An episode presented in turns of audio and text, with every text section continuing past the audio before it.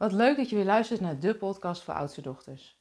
Mijn naam is Aike Borghuis en ik ben net als jij een oudste dochter. in deze podcast wil ik graag met je stilstaan over hoe jij 2021 ervaren hebt. Want wat een jaar is het weer geweest. En de periode tussen kerst en oud en nieuw is vaak een periode van bezinning. We zijn weer thuis en dan kan het fijn zijn om eens even terug te blikken op wat 2021 je hebt opgeleverd en misschien nog wel een klein beetje vooruit te kijken naar wat je in 2022 zou willen. En de reden waarom dat zo waardevol is, is omdat ik merk dat dingen die je beleefd hebt, die je hebt meegemaakt, dat je die snel vergeet. En dat het wel waardevol is om die toch nog even, ja, even bij stil te staan of te kijken wat heeft het je gebracht. Als ik kijk naar mezelf, dan reflecteer ik al een aantal jaar. Um, ik doe dat ook vaker dan één keer per jaar, maar um, het levert me altijd weer nieuwe inzichten op en uh, mogelijkheden voor 2022. Dus dat is ook mijn intentie met deze podcast, om je eens mee te nemen in hoe ik dat reflecteren doe. Um, en je kan met me meedoen. Dus als je het fijn vindt, pak dan lekker pen en papier erbij. En uh, ga er lekker voor zitten. Dan kan je het audiobestand ook regelmatig stopzetten. En ik wil je vragen om tijdens het reflecteren echt bloedje eerlijk te zijn. Wees echt eerlijk naar jezelf, want dit zijn jouw aantekeningen. En daar heeft niemand wat mee te maken. Maar het kan um, helpen om helemaal eerlijk te zijn, omdat je dan gaat voelen van hé, hey, waar schuurt het? Wat zou ik anders willen? Wat zou ik los willen laten? Maar misschien ook wel van waar wil ik meer van? Wat ik zelf vaak doe als ik de uh, vragen heb gedaan, dus als ik gejournald heb op de vragen, is dat ik um, de antwoorden nog een keer doorlees en eigenlijk kijk van hé, hey, wat, wat is nou het belangrijkste voor mij? Wat neem ik nou mee naar volgend jaar? Of wat wil ik misschien wel loslaten en wil ik loslaten in 2021?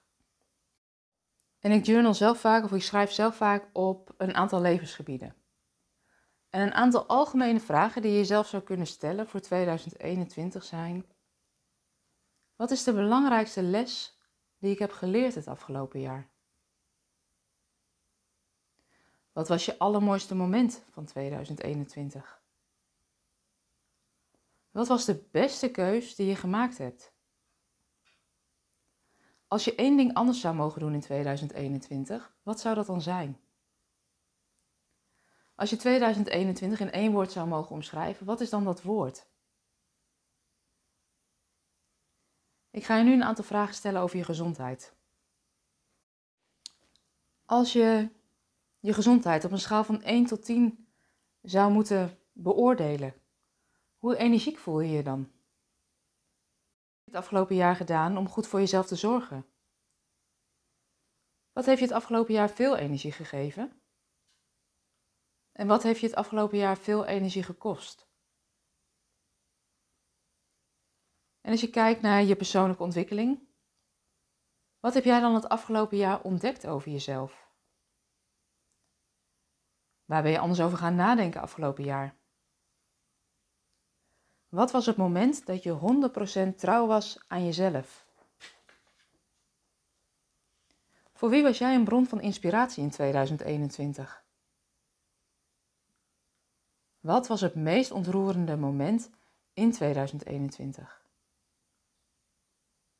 Wanneer voelde jij je helemaal vrij? Waar ben je dankbaar voor in 2021? Ik ga je nu een aantal vragen stellen over je relaties. Als je de relatie met je partner een cijfer zou moeten geven, welk cijfer krijgt jouw relatie dan?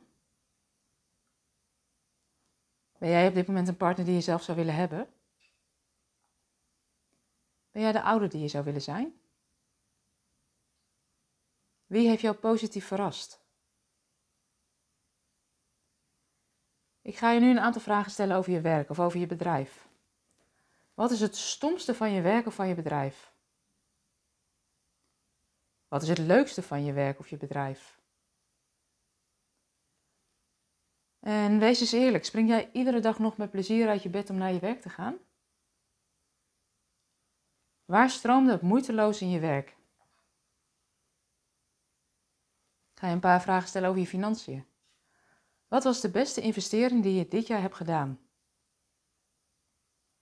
Wat heb je gekocht en had je eigenlijk helemaal niet nodig? Heb je ook een spaarpotje om je dromen uit te laten komen? En ja, waar, waar, wat is die droom? Waar zou dat spaarpotje aan bij moeten dragen? En met deze vraag om te reflecteren op 2021 wil ik je ook even meenemen in een doorkijkje naar 2022. Want als je heel eerlijk bent naar jezelf, waar ga je dan echt mee stoppen in 2022? Waar kijk je enorm naar uit in 2022? Waar wil je meer van in 2022? Welk verlangen ga jij in 2020 eindelijk eens serieus nemen? Hoe wil jij je voelen in 2022 en welk woord hoort daarbij? En het kan soms fijn zijn om deze vragen gewoon eens langs te lopen en je gedachten erover te laten gaan. Maar mijn ervaring is dat erop schrijven dat dat veel meer inzicht geeft. En als je dat zo gedaan hebt en je leest je antwoorden eens terug, dan kijk je misschien wel goed terug op 2021. Maar het kan ook zijn dat je ontdekt dat je nog iets recht hebt te zetten in 2021. En als je dat voelt, doe dat dan ook. Misschien heb je nog een gesprek wat je moet voeren. Misschien moet je nog contact opnemen met iemand. Wat je ook zou kunnen doen is een aantal van die vragen die ik nu met je heb besproken, of je eigen vragen, is op een papiertje te schrijven en ze in een pot te stoppen. En als je dan een keer een verdiepend gesprek wil hebben met anderen, dat je één voor één zo'n ja, vraag uit de pot trekt en die eigenlijk met elkaar beantwoordt. Het fijne van dit soort vragen is dat het vaak verdiepende vragen zijn en dat je op die manier meer diepgang krijgt in je gesprekken. En vaak ook meer verbinding voelt met je gespreksgenoten. Ik ben heel benieuwd of je nieuwe inzichten hebt opgedaan naar aanleiding van deze podcast. Ik wens je veel mooie inzichten toe. Een mooi afronden van 2021 en weer, weer openstellen voor 2020 die voor je ligt. Ik wens je hele fijne dagen. En uh, mocht je nou voelen van, hé, hey, er zijn wel wat dingen die ik aan zou willen pakken. En het is me niet gelukt in 2021. En ik zou wel wat hulp kunnen gebruiken in 2022. Weet dat je altijd een afspraak met ons kon maken. Dan kunnen we met je meekijken of we je zouden kunnen helpen. Dat kun je doen door um, te mailen naar info.oudstedochter.com en dan uh, helpen we je graag. Een hele fijne tijd.